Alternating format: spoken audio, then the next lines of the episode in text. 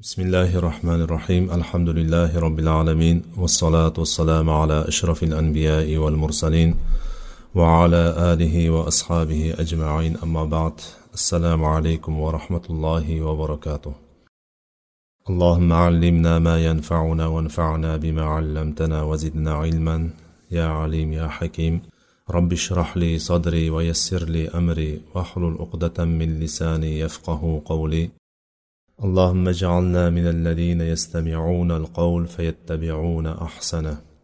سبحانك ربنا لا علم لنا إلا ما علمتنا إنك أنت العليم الحكيم. riyoz solihin kitobidan mo'minlarni hurmatini ulug'ligi va ularni o'zaro o'rtalaridagi rahm shafqat va ularni o'rtalaridagi haq huquqlar haqidagi bob haqida davom etayotgandik o'shandan o'tgan darsimizda oltita yettita hadis bilan tanishdik bugun inshaalloh kelgan joyimizdan davom ettiramiz بسم الله الرحمن الرحيم وأن عائشة رضي الله عنها قالت إن كان رسول الله صلى الله عليه وسلم يدع العمل وهو يحب أن يعمل به خشية أن يعمل به الناس فيفرض عليهم muttafaqun alayhi hadis. Bu bobimizni sakkizinchi hadisi ekan.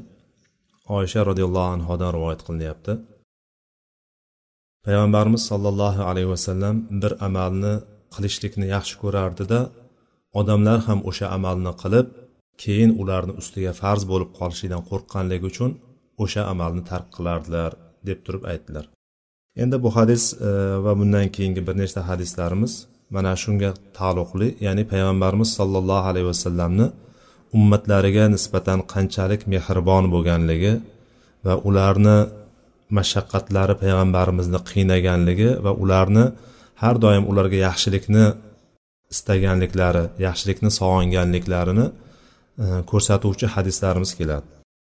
Bundan oldingi darsimizda e, biz mo'minlarni o'zaro bir birlariga nisbatan rahm shafqatli bo'lishliklariga taalluqli bo'lgan e, va ba'zi bir haq huquqlariga taalluqli bo'lgan hadislarni o'qigan bo'luvdik endi inshaalloh bugun payg'ambarimiz sollallohu alayhi vasallamni ummatga nisbatan qanday o'rinda tutganligini e, o'qiymiz. Mana shu birin ketin o'qib o'shani mana shu hadislar bilan tanishib chiqamiz. Mana shu hadis yuqorida hozir o'qiganimiz ma'nosini aytganimiz hadis bu muttafaqun alayhi bo'lgan hadis. Buxoriy va muslim ekanlari rivoyat qilgan va bir ittifoq qilgan mana shu hadisni sahihligida ittifoq qilgan hadis. Bu hadisda payg'ambarimiz sollallohu alayhi vasallam bir amalni qilardilar. Ya'ni bu amal hadisni matnidan ham ko'rinib turibdiki farz ibodat emas nafl ibodatlar. Ya'ni payg'ambarimiz sollallohu alayhi vasallam farzdan tashqari qilgan ibodatlar haqida gapiryaptilar. Oysha onamiz aytyaptilarki payg'ambarimiz sollallohu alayhi vasallam ba'zi bir amallarni qilardilar va qilishlikni yaxshi ko'rardilar o'shani ham. Lekin odamlar ham ya'ni sahobalar ham payg'ambarimizni qilganini ko'rib turib qilgandan keyin o'sha qilishlikda davom etganliklaridan keyin odamlarga farz bo'lib qolishligidan qo'rqqanligi uchun o'sha amalni tark qilardilar deydi. Payg'ambarimiz sollallohu alayhi vasallamni mana shunday ya'ni ummatga bo'lgan mehr shafqatlarini ko'rsatadigan mana shu hadis. Buni juda ko'p topamiz. Payg'ambarimiz sollallohu alayhi vasallamni hayotlariga qaraydigan bo'lsak hadislarga qaraydigan bo'lsak bunday holatlarni juda ko'pini topamiz. Ya'ni sizlarga farz hatto oyatda ham keldiki sizlar savollarni ko'p so'ravermanglar. Agar vahiy tushib turgan paytda savol so'raydigan bo'lsalaring sizlarga ba'zi bir narsalar harom bo'lib yoki ba'zi bir narsalar farz qilinib qolishligi mumkin. Shuning uchun savolni to'xtatinglar degan ma'nodagi oyat nosil bo'ldi. Payg'ambar sollallohu alayhi vasallam ham bir amalni qildilar. Lekin o'shani qavm hali yangi bo'lganligi uchun ba'zi o'rinlarda johiliyatdan yangi chiqqanligi uchun hali qalblarida islom to'liq o'tirib bo'lmaganligi uchun ularga ba'zi bir amallarni qilishlikni xohlasa ham tark qildilar. Agar qavmingiz agar mana shu johiliyatdan yangi chiqmaganda edi mana shunday qilgan bo'lardim deb turib payg'ambarimiz sallallohu alayhi vasallam bir nechta o'rinlarda aytganlar.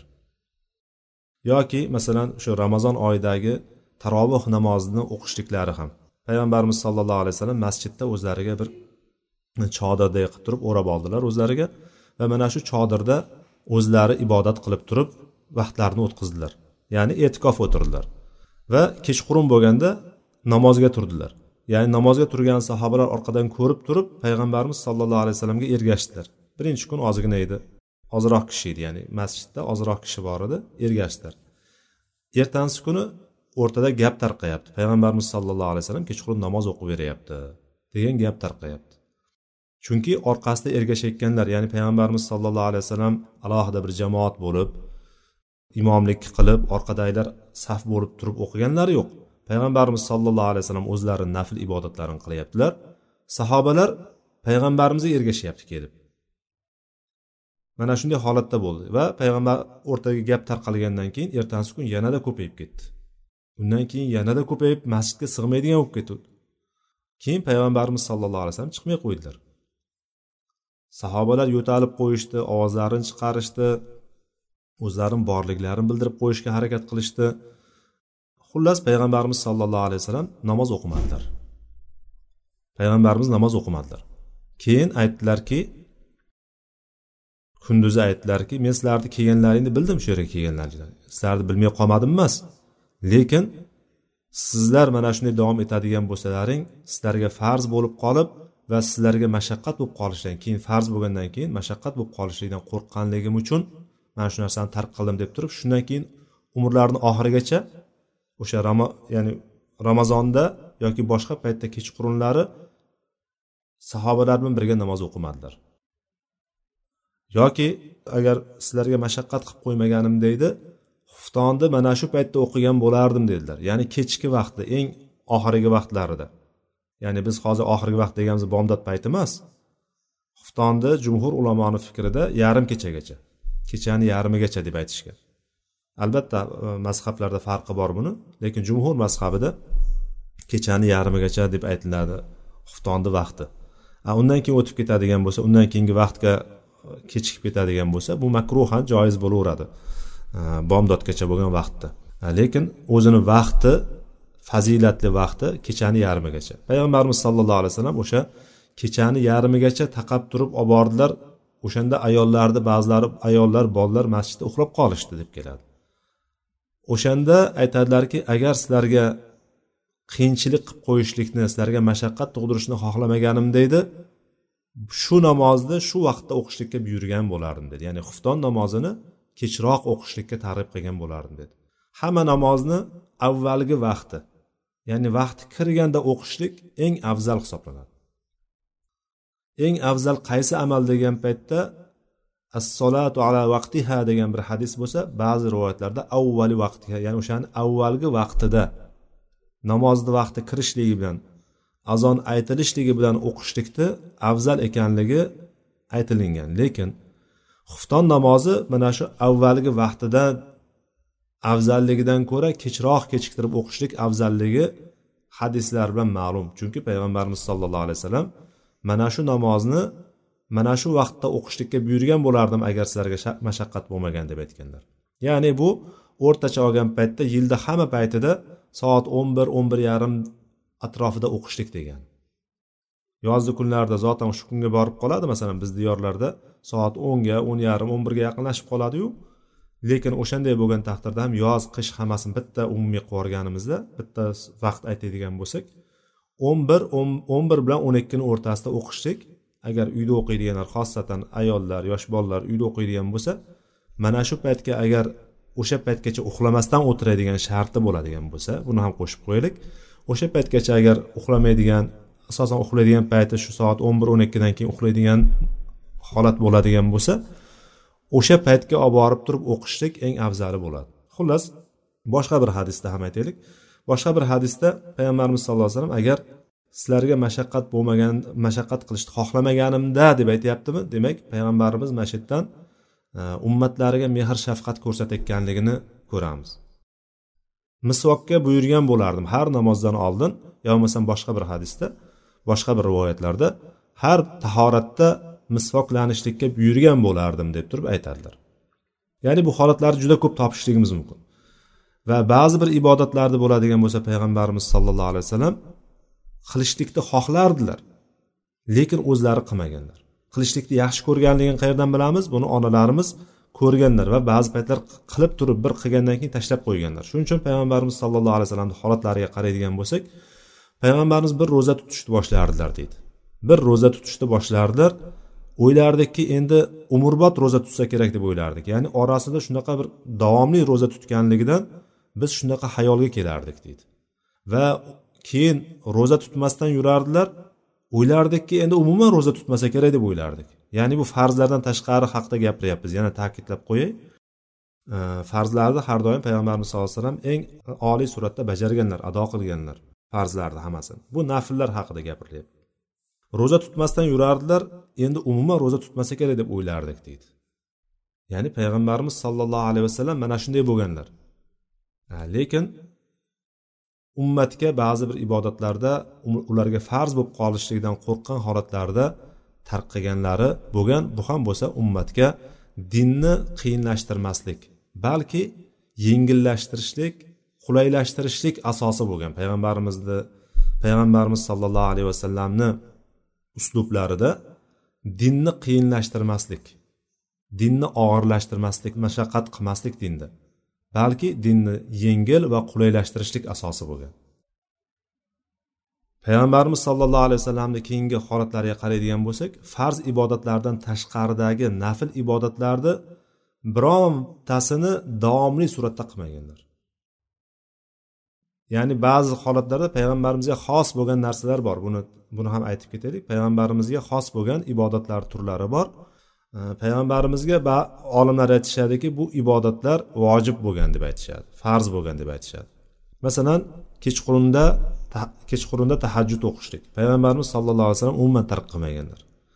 Agar uxlab qoladigan bo'lsa ba'zi bir sabablar bilan uxlab qoladigan bo'lsa yoki e, biron bir e, solih jihatidan betob bo'ladigan holatlar bo'ladigan bo'lsa mana bu holatlarda kunduzi o'qib qo'yardilar deb aytadi oysha onamizdan keyin hadisda kunduzi o'qirdilar. Ya'ni payg'ambarimiz hatto qazosini ham o'qiganlar o'shani. Ya'ni shundan keltirib chiqarib aytadilarki payg'ambarimizga farz bo'lgan deb aytadi. Yo bo'lmasam namozdan oldin yoki keyin o'qilinadigan bir kundagi o'n ikki rakat namoz yoki ba'zi rivoyatlarda o'n rakat namoz. Ya'ni peshindan oldin to'rt rakat ikki rakat keyinida shomdan keyin ikki rakat xuftondan keyin ikki rakat bomdoddan oldin ikki rakat. Mana shu namozlarni payg'ambarimiz umuman tark qilmaganligi keladi. Shularni ichida ham bomdodni bomdodni ikki rakat farzini umuman tark qilmaganligi keladi. Mana shularni olimlar u kishiga vojib bo'lgan deb aytadi lekin bularni tashqarisidagi nafl ibodatlarni birontasiga payg'ambarimiz davomli qilmaganlar. Albatta o'rtasida ba'zi paytlar umuman qilmay qo'ygan paytlari bo'lgan. Chunki bundan bunga sabab sahobalar ham demak bu umuman tark qilinmaydigan narsa ekan deb turib davomli qilishligidan farz bo'lib qolishidan qo'rqqanligi uchun ummatlariga mehribon bo'lganligi uchun ertaga biz ummat zaif ummat hatto hozirgi kundagi shu sunnatlarni ham farzlarni ham o'zi ochiq bo'lgan hammasi bor o'shanga ham erinib qiynalib qoladigan imkonimiz bor misvok ishlatishlikka lekin misvokni ham oyda yilda bir ishlatib qo'yadigan kechqurungi namozlarga oyda yilda bir turadigan bo'lsak turib qo'yadi zo'rg'a turib qo'yadigan nafl ro'zalarni ham alloh biladi qanchalik tutadigan. Ya'ni mana shunday bir bu hali e, biz gapirayotgan bu ibodatlarni dinda yuribman dinda mustahkamman deb turgan kishilarni holati haqida gapiryapmiz. Hali dinda hali namozini niyozini tayini bo'lmagan kishilar haqida gapirmayapmiz. Dinda mustahkam bo'lgan allohni tanigan o'zicha. Ya'ni har kim o'zicha taniydi ilmi ilmiy darajasida. Ya'ni anchadan beri ibodatda yuribman va dinda xizmat qilaman deb yurgan odamlarni holati mana shunaqa ya'ni sutkashligimiz bor erinchoqligimiz dangasaligimiz bor yalqovligimiz bor. Mana shu ummatni ichida bizga o'xshagan insonlar bo'lishligini bilgan holatda payg'ambarimiz sollallohu alayhi vasallam o'sha narsalarni tark qilganlar ba'zi ibodatlarni deb turib mana bu hadis bizga bayon qilyapti. Bo'lmasam sahobalarni aksariyati payg'ambarimiz sollallohu alayhi vasallamni amallarini kam sanab turib biz bundan ko'p qilamiz deb turib harakat qilganligini va dinda o'zlariga og'ir qilib olganligini bundan oldingi boblarda biz gaplashgandik. Sahobalarni aksariyati dinda qattiq bo'lgan insonlar. Bu o'sha paytda payg'ambarimiz sollallohu alayhi vasallam faqat sahobalarni nazarda tutmaganlar qiyomatgacha keladigan ummatni nazarda tutib turib ularni mana shu ibodatlarni ba'zilarini tark qilganlar. Undan keyingi hadis وعنها رضي الله عنها قالت نهاهم النبي صلى الله عليه وسلم عن الوصال رحمة لهم فقالوا إنك تواصل إنك تواصل قال إني لست كهيئتكم إني أبيت يطعمني ربي ويسقيني متفق عليه. yana oysha onamizdan rivoyat qilinyapti payg'ambarimiz sollallohu alayhi vasallam sahobalarni visol ro'zasidan qaytardilar. Visol ro'zasi o'zbekchaga bog'lama yoki o'tkarma ro'za deymiz. Mana shu ro'zani turidan qaytardi. Mana shunaqa ro'za tutishdan qaytardilar. Ularga rahmatan lahum ularga rahm qilib ularga rahm shafqat bilan mana shu narsadan qaytardilar. Sahobalar aytishdiki innaka tuvasiru yo rasululloh o'ziz tutasizku mana shunaqa qilib turib. Siz visol qilasizku o'tkarma ro'za tutasizku deyishdi. Nimaga biz tutmaylik deganday qilib turib inkori inkoriy savol berishdi. Shunda payg'ambarimiz sollallohu alayhi vasallam aytdilarki inni lastu hayatikum. Men sizlarga sizlarni holatlaringga meni holatim sizlarni holatlaringga o'xshamaydi dedi. Inni abitu yut'imuni robbi va yasqini. Men kechqurun uxlaganimda alloh taolo meni yediradi robbim meni yediradi va ichiradi dedilar. Ya'ni bu yerda imom navoiy o'zi sharh berib ketyaptilarki alloh taolo menga yeyish ichishni quvvatini berib turadi dedilar. Ya'ni biz bilganimiz payg'ambarimiz sallallohu alayhi vasallam uxlab yotgan paytlarida yeyish qanday bo'ladi? Og'iz bilan chaynab yeyishlik bo'ladi yoki ichishlik ham xuddi shunday bo'ladi. Ya'ni undaqa ma'noda emas ya'ni bu yerdagi biz tushungan oddiy yeyishlik ichishlik emas yeyish ichishni quvvatini to'liq berishligi haqida aytilyapti deb turib bu yerda sharh berib ketgan ekan. Visol ro'zasi qanday ro'za? Visol ro'zasi o'tkarma ro'za yoki bog'lama ro'za deymiz. Buni saharlik ham iftorlik ham qilmasdan turib orqama ketin ro'zani davom ettirishlik. Ro'zani kunlarini ro'za tutib yuraverasiz lekin umuman hech narsa yemaysiz ichmaysiz ham. Yemaysiz ham ichmaysiz ham. Ya'ni yigirma to'rt soat davomida ro'za tutasiz. Yigirma to'rt soat ro'za tutsangiz bu bir kun ro'za tutgan hisoblanasiz. Biz hozir nechadir soat tutamizda kechqurun ochiq og'zimiz ochiladi. Xohlaganimcha yeymiz ichamiz. Xohlagan ishimizni qilamiz ya'ni ro'zador bo'lmagan kishi nimani qiladigan bo'lsa shu ishlarni qilaveramiz bemalol. Lekin visol ro'zasida bir marta saharlik qiladigan bo'lsangiz o'shan bilan davom etib ketaverasiz. Hech narsa yemaysiz ham ichmaysiz ham ro'za buziladigan narsalarni birontasiga yaqinlashmaysiz. Mana shu narsani e, ya'ni kecha va kunduz ro'za tutishlik degani bu. Kecha va kunduz ro'za tutishlik va buni orqama ketin ko'paytirish kunlardi payg'ambarimiz sollallohu alayhi vasallam mana shunaqa ro'za tutadigan holatlari bor edi. Va sahobalar ham ko'rishdida mana shuni ko'rgandan keyin sahobalar ham qilib boshladi shuni. Shunda payg'ambarimiz sallallohu alayhi vasallam qaytardilar. Sizlar bunday qilmanglar deb turib qaytardilar. Qaytarganda payg'ambarimiz sollallohu alayhi vasallam o'zlari qilib turib sahobalarni qaytargani uchun sahobalar inkor qilishdi. Inkor qilishlik faqat so'z bilan bo'lmadi. Bu boshqa rivoyatlarda buxoriyni boshqa rivoyatlariga qaraydigan bo'lsak mana shu visol ro'zasi haqidagi sahobalar yana tutishda davom etishdi. Yana tutaverdilar. Ya'ni mana shu gapni eshitgandan keyin ham yana davom etaveradi chunki payg'ambarimiz qilib turibdi bu narsani. Payg'ambarimiz qilayotganligi uchun biz ham qilamiz degan ma'noda davom etaverdi ular. Shunda payg'ambarimiz sallallohu alayhi vasallam aytdilarki men sizlarni holatlaringga o'xshamayman. Alloh taolo menga quvvat beradi yeb yediradi ichiradi. Ya'ni hadis lafzini oladigan bo'lsak robbim meni kechqurun yediradi kechada uxlagan paytimda yediradi ichiradi dedilar. Ya'ni biroz biz e, buni ma'nosini olamizki majoz ma'nosini olib turib buni alloh taolo payg'ambarimizga yeyish ichishlikni quvvatini beradi deymiz. Mana shu yerda nimaga payg'ambarimiz sallallohu alayhi vasallam ularni bundan qaytardilar? Chunki insonga bu mashaqqat bo'p ham issiq kunlarda yoki o'sha payg'ambarimiz sollallohu alayhi vasallam yashagan joy saudiyani olaylik makkani madinani olaylik uda u paytlarda qishda ham issiq bo'ladi. Qishda ham bizni yozimizga yaqin issiq bo'ladi. Shunaqa issiq kunlarda chanqoqlik ochlik kun o'tishligi insonda hozirgi kunga misol qilib oladigan bo'lsak agar orqama ketin ikki kun agar visol ro'zasini tutadigan bo'lsak balki biz yiqilib qolsak kerak. Ya'ni bizni quvvatlarimiz oldingi odamlarni quvvatlariga ko'ra ancha pasayib ham ketgan. Ya'ni tog'da yashaydigan insonni quvvati bilan shaharda yashaydigan insonni quvvatini farqi bo'ladi albatta. Ya'ni inson nashot bilan ibodat qilolmay qoladi. Bunda alloh taolo bizni e, zerikib qiladigan xohlamay turib erinib qiladigan narsamizga alloh taolo qaramaydi bu bilan ibodatlarni biz nashot bilan qilishimiz kerak. Xohlab turib faol holatda qilishligimiz kerak aktiv holatda faol holatda qilishligimiz kerak. Ko'nglimiz yorishib qilishligimiz kerak. Erinib xohlamay e, yoki bo'lmasam shu holdan toyib qolganda emas nashot bilan qilishimiz kerak. Shunda mana shu holatdan bir e, misol olishligimiz mumkin. Ro'za tutgan bir kishi bor edi. Safarda ro'za tutgan. Payg'ambarimiz sallallohu alayhi vasallam uzoqdan ko'rdi odamlar uni ustiga qo'llari bilan soyabon qilib turibdi. Qo'llari bilan quyoshni uni boshidan qaytarib turibdi. Bir birodari o'tiribdi. Tasavvur qildik odamlar qo'llari bilan o'zlarini o'shani soya qilishlikka harakat qilyapti. Shunda rasululloh sollallohu alayhi vasallam bu nima ahvol dedi? Buni bu kim dedi? Bu nima bunday qilib turibdi deganda bu ro'za tutgan ekan dedi. Ya'ni ro'za tutgan kun issiqligidan safarda bo'lganligi uchun safar ham o'ziga yarasha mashaqqati bor yo'l yurish kerak. Qiynalib holdan toyib qoldi. Holdan toyib qolgan paytda yonidagilar unga yordam beryapti. Unga soya qilyapti. Shunda payg'ambarimiz sollallohu alayhi vasallam safarda ro'za tutishlikda yaxshilik yo'qdir dedilar.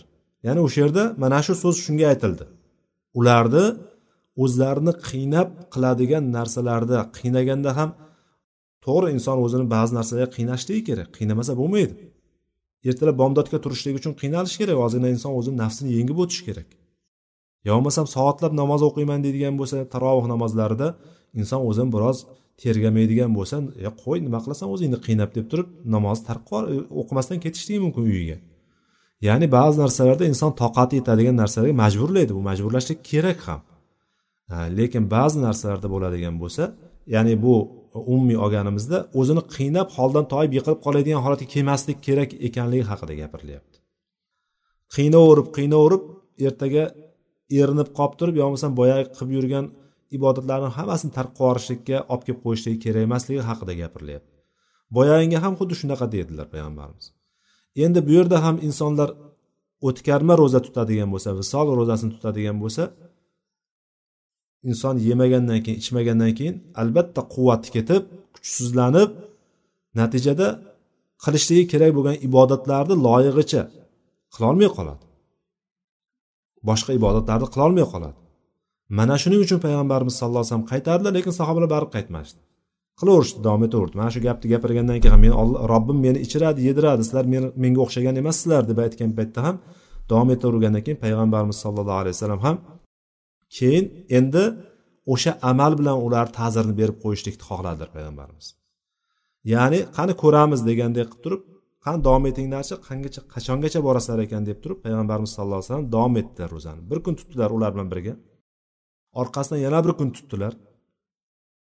Undan keyin oy ko'rinib qoldi. Demak bu ro'za ko'rinadiki bu naflda emas o'sha farz ro'zada bo'layotgan holat o'sha ya'ni ramazon oyida bo'layotgan voqea bo'lganligi kelib chiqadi. Ya'ni ramazon oyida ham ro'zani o'tkarma visol qilsa bo'ladi lekin payg'ambarimiz sallallohu alayhi vasallam qilgan faqat buni. Sahobalar ham qilgan o'shanda payg'ambarimiz sallallohu alayhi vasallam ya'ni orqama ketgan ikki kun ular bilan birga mana shunaqa visol ro'zasini tutgandan keyin oy ko'rinib qoldi deydi. Oy ko'rinib qoldi endi ro'zani to'xtatish kerak bayram kirdi. Ro'zani to'xtatish kerak shunda payg'ambarimiz aytdilarki lav taaxara lazittukum dedilar. Agar oy chiqmay turganda edi dedi. Oy ko'rinmay turganda edi sizlarga yanada ko'paytirgan bo'lardim. Ya'ni kunlarni yana tutavergan bo'lardim. Ya'ni payg'ambarimiz sallallohu alayhi vasallam alloh taolo quvvat berib turgandan keyin u kishi tutaveradilar. Mana shunday deb aytib turib sahobalarga dakka berganlar payg'ambarimiz. Keyin aytganlarki boshqa bir rivoyatda sizlar qo'llaringdan keladigan toqatlaring yetadigan narsani qilinglar degan. Va mana shu o'rinda ularga rahmat qilib ularga rahm shafqat qilib turib ularni qaytardilar deb kelyapti oysha onamizdan kelgan hadisda. Buni hukmini oladigan bo'lsak ro'za shuni hozirgi kunda payg'ambarimiz sallallohu alayhi vasallam olamdan o'tib ketdilar. Mana shu hadisdan sahobalarni qaytardilar lekin sahobalar payg'ambarimizni tutayotganligini ko'rib yana davom etdilar. Va payg'ambarimiz ularga bir dars berib qo'yishlik uchun ikki kun tutgandan keyin orqama keting ikki kun visol ro'zasini tutgandan keyin uchinchi kun oy chiqib qoldi. Va to'xtadilar shundan tutsa bo'ladimi deganda olimlarni o'rtasida ixtilof bor lekin jumhur ulamolar shularni ichida abu hanifa imom molik shofiiy va boshqa bir qancha faqihlarni fikrida visol ro'zasi ya'ni o'tkarma ro'zani tutishlik makruh hisoblanadi. Ya'ni joiz emas. Buni hukmi shu. Ya'ni bu narsani shundan ko'rinadiki olimlar buni qanday nima deyishadi? Bu payg'ambarimiz sollallohu alayhi vasallamga xos bir holatdir. Payg'ambarimizni xos o'zlariga hasoisun nabiy ya'ni payg'ambarimizga xos bo'lgan amallardan bittasi deb turib aytishgan. Payg'ambarimizga xos bo'lgan amallarda ummat bundan so'ralmaydi. Ya'ni ummat buni ham qilishlikka buyurilmagan. Balki ba'zi o'rinlarda qilinadigan bo'lsa hozirgidek qaytariq ya'ni makruh bo'ladigan hatto ba'zi o'rinlarda harom bo'ladigan o'rinlar bor. Payg'ambarimiz sallallohu alayhi vasallamga xos bo'lgan narsalar faqat u kishiga xosdir. Boshqalar bunga e, qaramaydi. Demak visol ro'zasi hadisdan oladigan foydamiz visol ro'zasi qaytarilgan. Joiz emas. Jumhur ulamoni fikri bilan. E, jumhur faqihlarni fikri bilan. Va payg'ambarimiz sollallohu alayhi vasallamga e, xos bo'lgan o'rinlarda iqtido qilib turib payg'ambarimizga taqlid qilishlik ham joiz emasligi mana shu hadisdan ko'rinib turibdi. Keyin inson o'zini qiynashligi quvvatidan tushib qoladigan quvvati ketib ibodatlarni ham qilolmay qoladigan darajada o'zini qiynashligida bu dindorligini xudojo'yligini taqvosini ko'rsatadigan narsa emas bu. Mana shu narsani yaxshi biladi inson o'zini qancha qiynaydigan bo'lsa men taqvodor bo'laman ekan degan narsa emas. Ya'ni alloh taolo bizni nashot bilan faol bo'lib turib qilgan ibodatimizni yana xush qabul qiladi. Bu hadis inshaalloh hali yana oldindagi boblarimizda hali kelajakdagi hadislarda kitob riyoz solihin kitobimizni kelajakdagi boblarda yana hali takror keladi. O'shanda yana e, o'sha boblarga taalluqli bo'lgan joylar bilan gaplashamiz inshaalloh. Undan keyin hadis va an abi qatodat al haris ibn ribiy roziyallohu anhu qol qola rasululloh sollallohu alayhi vasallam inni la aqumu ila الصلاة وأريد أن أطول فيها فأسمع بكاء الصبي فأتجوز في صلاتي كراهية أن أشق على أمه رواه البخاري أبو قتادة haris ibn ribiy roziyallohu anhudan rivoyat qilinyapti payg'ambarimiz sollallohu alayhi vasallam shunday dedilar men namozni boshlayman namozga turamanda va uni uzun qilishlikni xohlayman. Ya'ni qiroatni uzun qiroat qilishlikni xohlayman. Shunda bir go'dakni ovozini eshitib qolaman. Yig'isini go'dakning yig'isini ovozini eshitib qolaman. Va onasiga qiyin qilib mashaqqat qilib qo'yishlikni xohla yomon ko'rganligim sababli namozimni qisqa qilaman deb aytdilar payg'ambarimiz sallallohu alayhi vasallam. Imom buxoriyni rivoyatlari. Bu hadis haqida o'tgan darsimizdan biroz gapirib o'tgandik. Demak bu yerda hozir ko'rayotgan e, narsamiz payg'ambarimiz sollallohu alayhi vasallamni ummatga nisbatan qanchalik yana mehribon bo'lganligini yana ko'rsatadigan hadislarimizdan bittasi. Chunki payg'ambarimiz sollallohu alayhi vasallam shunchalik bir e, mehribon ummatga nisbatan ularni mashaqqat chekishliklari u kishini qiynab qo'ygan insonlarni ya'ni ummatni saodatini yaxshiligini sog'ingan o'shanga tashna bo'lgan va mo'minlarga marhamatli mehribon bo'lgan payg'ambar edi shuni alloh taolo xuddi mana shu lafzlar bilan keltirdiki tavba surasida laqad jaakum rasulun min anfusikum azizun alayhi ma anittum harisun alaykum bil mu'minina raufur rahim dedi. Darhaqiqat sizlarga o'zlaringizdan bo'lgan bir payg'ambar keldi. Sizlarni mashaqqat chekishliklaring qiynalishliklaring uning uchun og'ir bo'lgan. Sizlarni saodatga yaxshilikka erishishliklaring ga tashna bo'lgan mo'minlarga marhamatli mehribon bo'lgan bir payg'ambar keldi deb turib alloh taolo qur'onda ochiq bayon qilgan. Ya'ni payg'ambarimiz mana shunday kishi bo'lgan. Faqat bizni o'ylaganlar hatto umrlarini oxirgi holatlarida ham eng oxirgi ya'ni jon berish arafasida bo'lib turgan paytda ham ummatim ummatim deb o'tgan kishi payg'ambarimiz sollallohu alayhi vasallam bo'ladi. Ya'ni shu qadar hatto aytadilarki ona o'z bolasiga nisbatan mehribon bo'lganligidan ko'ra payg'ambarimiz ummatiga mehribonroq bo'lgan deydi. Mana shuning uchun bizga qanaqa yaxshilik yo'llari bo'ladigan bo'lsa hammasini bayon qilganlar qanaqa yomonlik yo'llari bo'ladigan bo'lsa bundan hammamizni ogohlantirib ketganlar. Mana bu o'rinda ham payg'ambarimiz sallallohu alayhi vasallam namozga turganlarida namozni uzun qilishlikka niyat qiladi. Chunki namoz mo'minni meroji.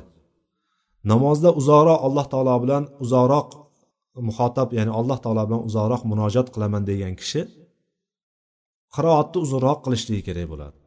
Sajdada rukuda duolarni uzoqroq qilishligi kerak bo'ladi. Ya'ni namozda ko'proq qolishlikni boshqa yo'li yo'q. O'shandan bittasi eng uzoq qolishlikni bitta yo'li qiroatni uzun qilishlik. Va ruku sajdalarda duolarni ko'paytirishlik bilan namozda ko'proq qolinadi. Mana shuning uchun payg'ambarimiz sollallohu alayhi vasallam bir hadislarda kishini fiqhini ko'rsatadigan narsa insonni dinni qanchalik yaxshi bilishligini ko'rsatadigan narsa belgi alomat qiroatni uzun qilishligi namozda qiroatni uzun qilishligi xutbani esa qisqa qilishligi deb aytganlar. Ya'ni xutba odamlarga xutba qilishlik bir maiza qilib turib aytib berishlikda juma xutbalari yoki bayram namozlarida xutba yoki boshqa paytlarda qilinadigan xutbalarni qisqa va lo'nda va jamlovchi bo'lishlik kerak.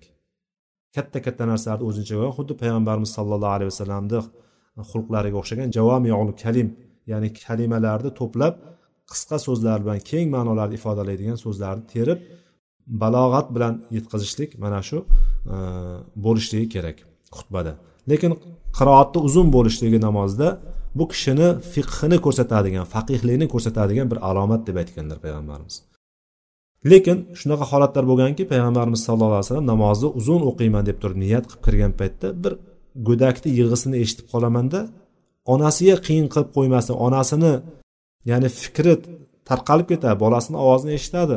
Ona o'shanda butun fikri tarqalib ketishligi yoyilib ketishligidan fikrini bir joyga jamlolmasligi qiynalishligidan payg'ambarimiz sallallohu alayhi vasallam tezroq tugatsa tugatishlikka harakat qilib turib tez, tezroq tugatganlar. Ba'zi rivoyatlarda buni inna atoynakal kavsar surasini o'qiganligini ya'ni uch oyatdan iborat qur'ondagi eng qisqa surani o'qiganligini rivoyatini aytishadi.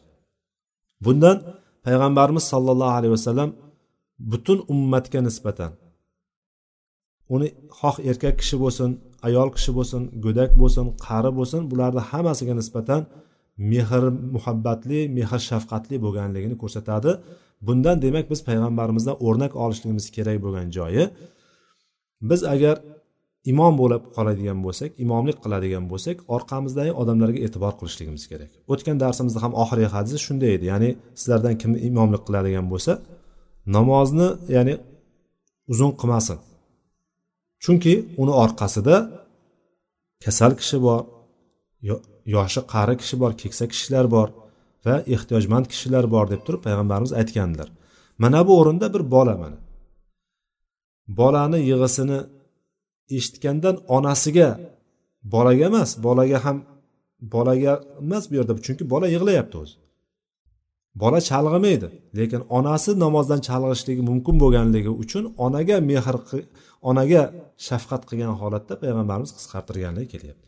Bu hadisdan olinadigan narsa demak payg'ambarimizni mehr shafqatlari va ayollarni masjidga jamoat namozlariga kelishliklari kelib chiqadi bu hadisdan. Kelganliklari kelishi mumkinligi haqida kelib hukm olishimiz mumkin bundan va shu bilan birga bolalarni ham masjidga olib kelish ya'ni bolalar deganda go'dak bolalar ya'ni uch yoshdan kichkina bolalarni ham masjidga olib kelishlik mumkin ekanligi kelib chiqadi bu yerda uch yoshdan kichkina bolalarni ham. Ba'zi birlar hadis deb turib bolalaringni masjidlardan bolalaringni va majnunlarni ichlaringizda bo'lgan bolalarni va majnunlarni masjidlardan uzoq qilinglar degan hadisni rivoyat qilishadi. Bu hadis juda zaif hadis ya'ni sahih emas. Bolalarni olib kelganligi keladi. Bu bilan ya'ni ayollar agar masjidga chiqadigan bo'lsa uyga tashlab ketsa qarab turadigan yo'q bo'ladigan bo'lsa mana bu o'rinda uch yoshdan kichkina bolalarni ham masjidga olib kelib turib olib kelsa bo'lishligidan hukm chiqyapti bu yerdan lekin imkoniyat bor. Uyga tashlab ketadigan bo'lsa boshqa qarab turuvchi odam bo'ladigan bo'lsa uch yoshdan kichkina bolalarni uyga tashlab ketganligi ma'qulki chunki yig'lashligi bilan birinchidan onani o'zini chalg'itadigan fikrini tarqatadigan bo'lsa undan tashqari jamoatni ham imomni qiroatini eshittirmasligi yo bo'lmasam yig'lab yoki yugurib u yoqdan bu yoqqa yugurishligi bilan boshqalarni ham fikrini tarqatishligiga sabab bo'lganligi uchun uch yoshdan kichkina bolalar ya'ni qo'yni tushunmaydigan qimani tushunmaydigan uch yoshdan kichkina bolalarni uyga tashlab kelgan afzal bo'ladi. Lekin boyagi aytganimiz onani ham o'zi namozga keladi. hamma uydagilar hammasi masjidga keladigan bo'lsa ana unda olib kelishlikda bir bois yo'q ya'ni buni ichida bir zarar yo'q inshaalloh gunoh yo'q buni olib kelganligi mana mana shu hadisdan olyapmiz mana shu hadisdan chiqyapti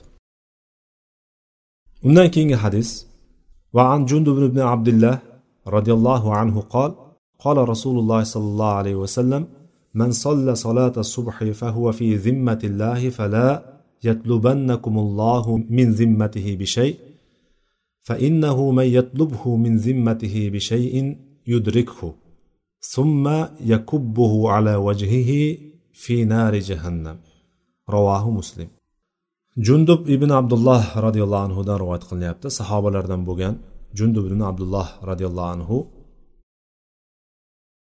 payg'ambarimiz sollallohu alayhi vasallam aytdilarki kim bomdod namozini o'qiydigan bo'lsa solati subuh degani subuh namozi o'zimizni o'zbek tilidagi bomdod namozi bomdod namozini kim o'qiydigan bo'lsa u alloh taoloning zimmasidadir. Ya'ni alloh taoloning ahdi va omonidadir ya'ni alloh taoloni himoyasiga tushadi u.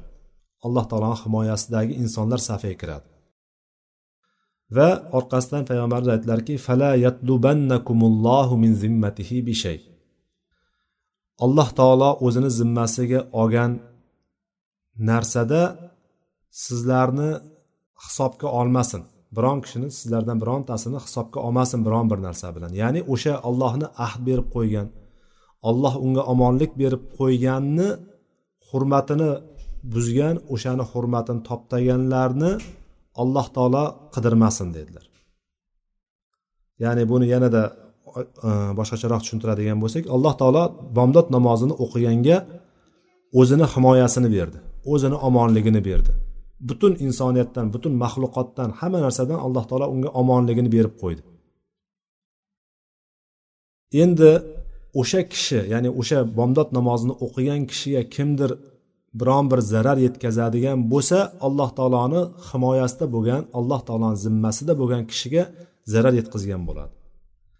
O'sha zarar yetkazganlarni topmayin deyapti alloh taolo. Alloh taolo sizlarni hargiz topmasin o'shanday holatda. Alloh taoloni zimmasida bo'lgan kishiga biron bir narsa yetkazganlaringni topmasin o'shanday holatda.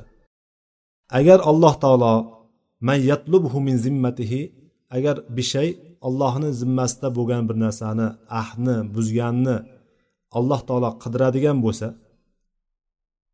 alloh taoloni zimmasida bo'lgan narsani qidiradigan bo'lsa alloh taolo uni topadi va topgandan keyin uni yuzi bilan jahannamga otadi dedilar ya'ni kim alloh taoloni ahdini buzgan alloh taoloni zimmasidagi narsani omonligini kimdir zoya qilgan bo'lsa o'sha zoya qilgan insonni alloh taolo topadigan bo'lsa uni do'zaxga otadi yuzi bilan yuzi bilan yuz tuban do'zaxga tashlaydi dedilar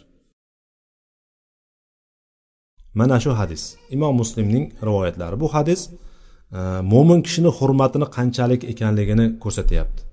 Mo'min kishiligini mo'minligini ko'rsatadigan dalillardan bittasi bomdod namozini o'qishligi ekanligi ko'rsatilyapti. Bundan bomdod namozini fazilati o'rtaga chiqyapti.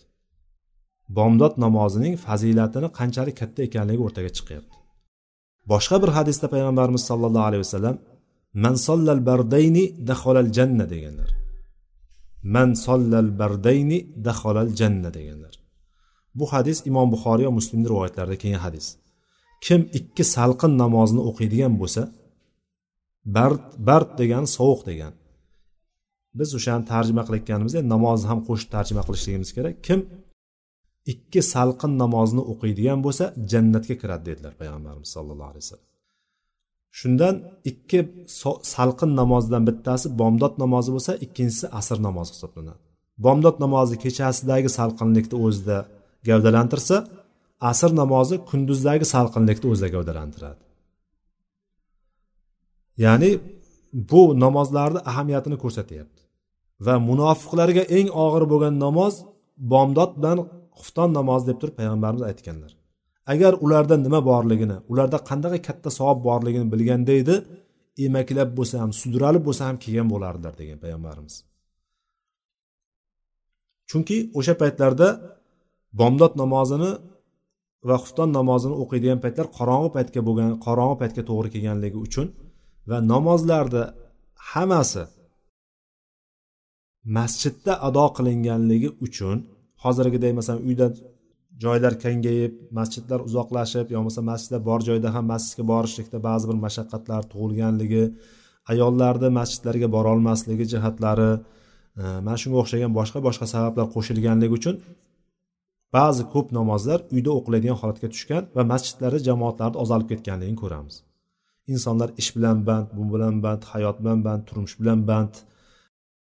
Qolaversa jamoat namozlariga bo'lgan e, e'tibor umuman yo'qolib borishlik arafasida ko'p joylarda afsuslar bo'lsin. Mana shunaqa holatlarda xullas u paytlarda masjidlarda hamma namoz masjidlarda o'qilingan. Va insonlarni masjidda ko'rishga masjidga kelmagan insonni ochiq bilganki demak bunda yo munofiq yoki musulmon emas degan hukm berilgan o'sha paytlar. Va bomdod namoziga va xufton namoziga munofiqlar kelishmagan chunki insonlar ko'rmaydi deb turib. Shuning uchun payg'ambarimiz o'sha hadisda munofiqlarga eng og'ir namoz xufton bilan bomdod deb aytganlar.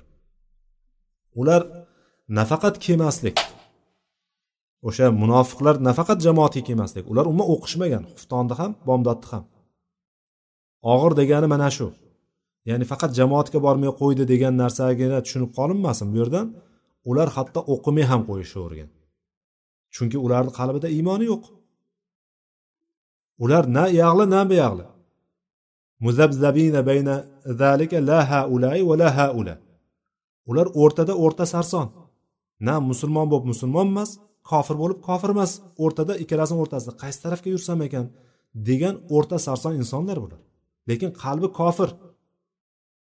Mana shunday insonlar bo'lgan. Ular qalbi kofir bo'lgandan keyin u insonlarni ko'zi uchun ko'rishlik uchun riyo uchun o'qib turgan namozini uyda o'qiydimi? Uyda ham o'qimagan umuman mana shunday holat. Ya'ni bomdod namozi mana shunday bir namozki insonni iymonini ko'rsatib turadigan musulmonligini ko'rsatib turadigan namoz bu.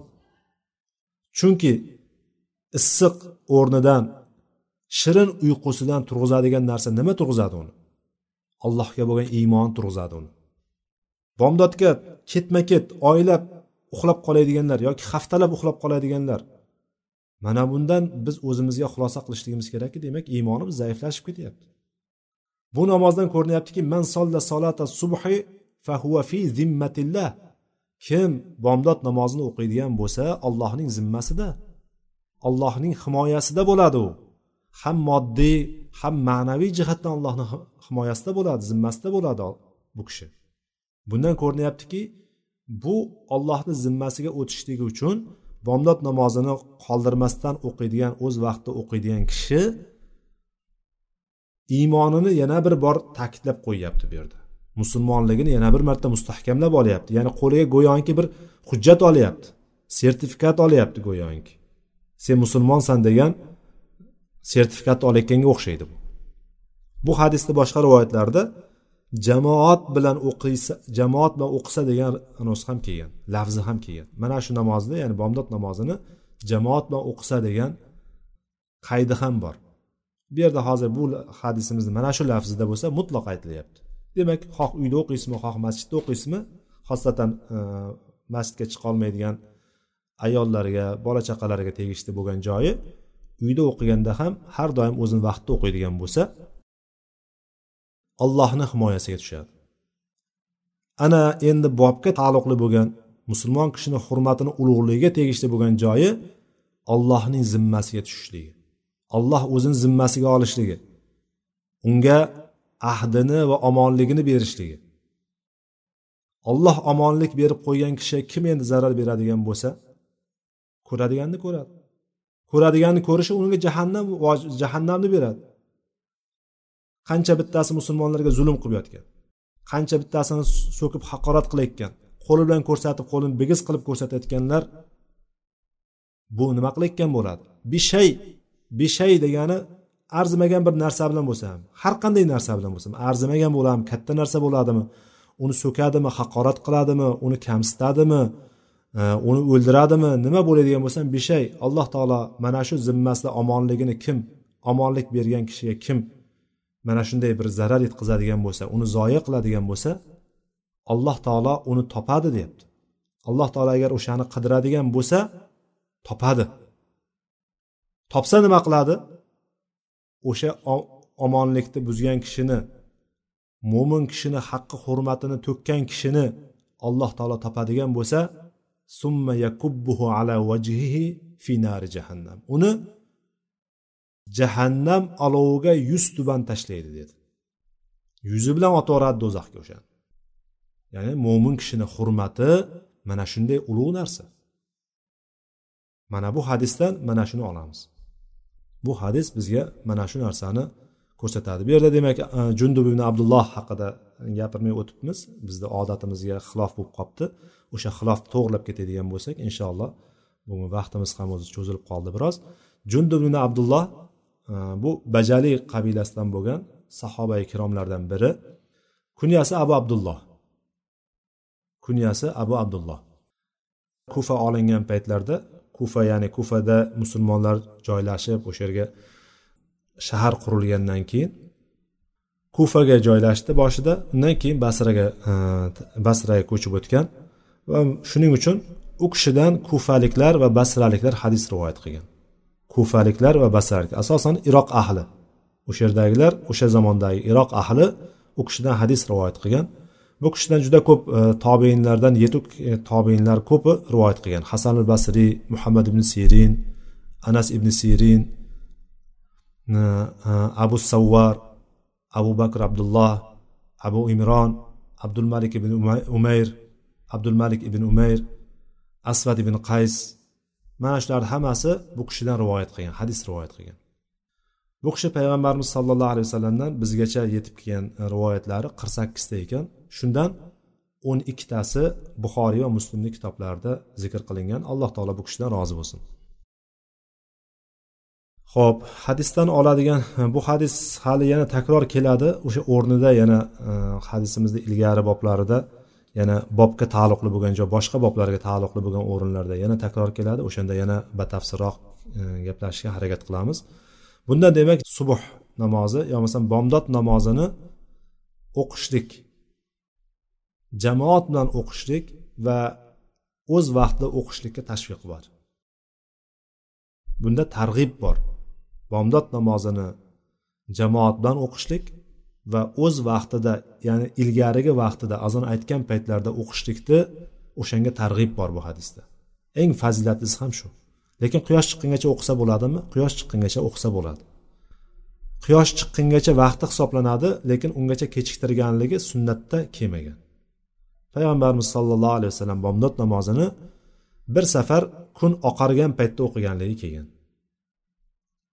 Va hanafiy mazhabi mana shu hadisni dalil olib turib kun oqarganda o'qishlikni sunnat deb olishadi va mana shu paytga o'zlarini o'zlarini e, diyorlarida ya'ni hanafiy mazhabi e, yurib turgan diyorlarda asosan quyosh chiqishidan yarim soat qirq minut oldin o'qishlikka odatlanishgan. Mana shu hadisga asoslangan. Lekin payg'ambarimiz sollallohu alayhi vasallamni odatiy va doimiy qilgan amallariga qaraydigan bo'lsak kechasiga o'xshagan qorong'i paytda ya'ni tong qorong'iligida o'qiganlar.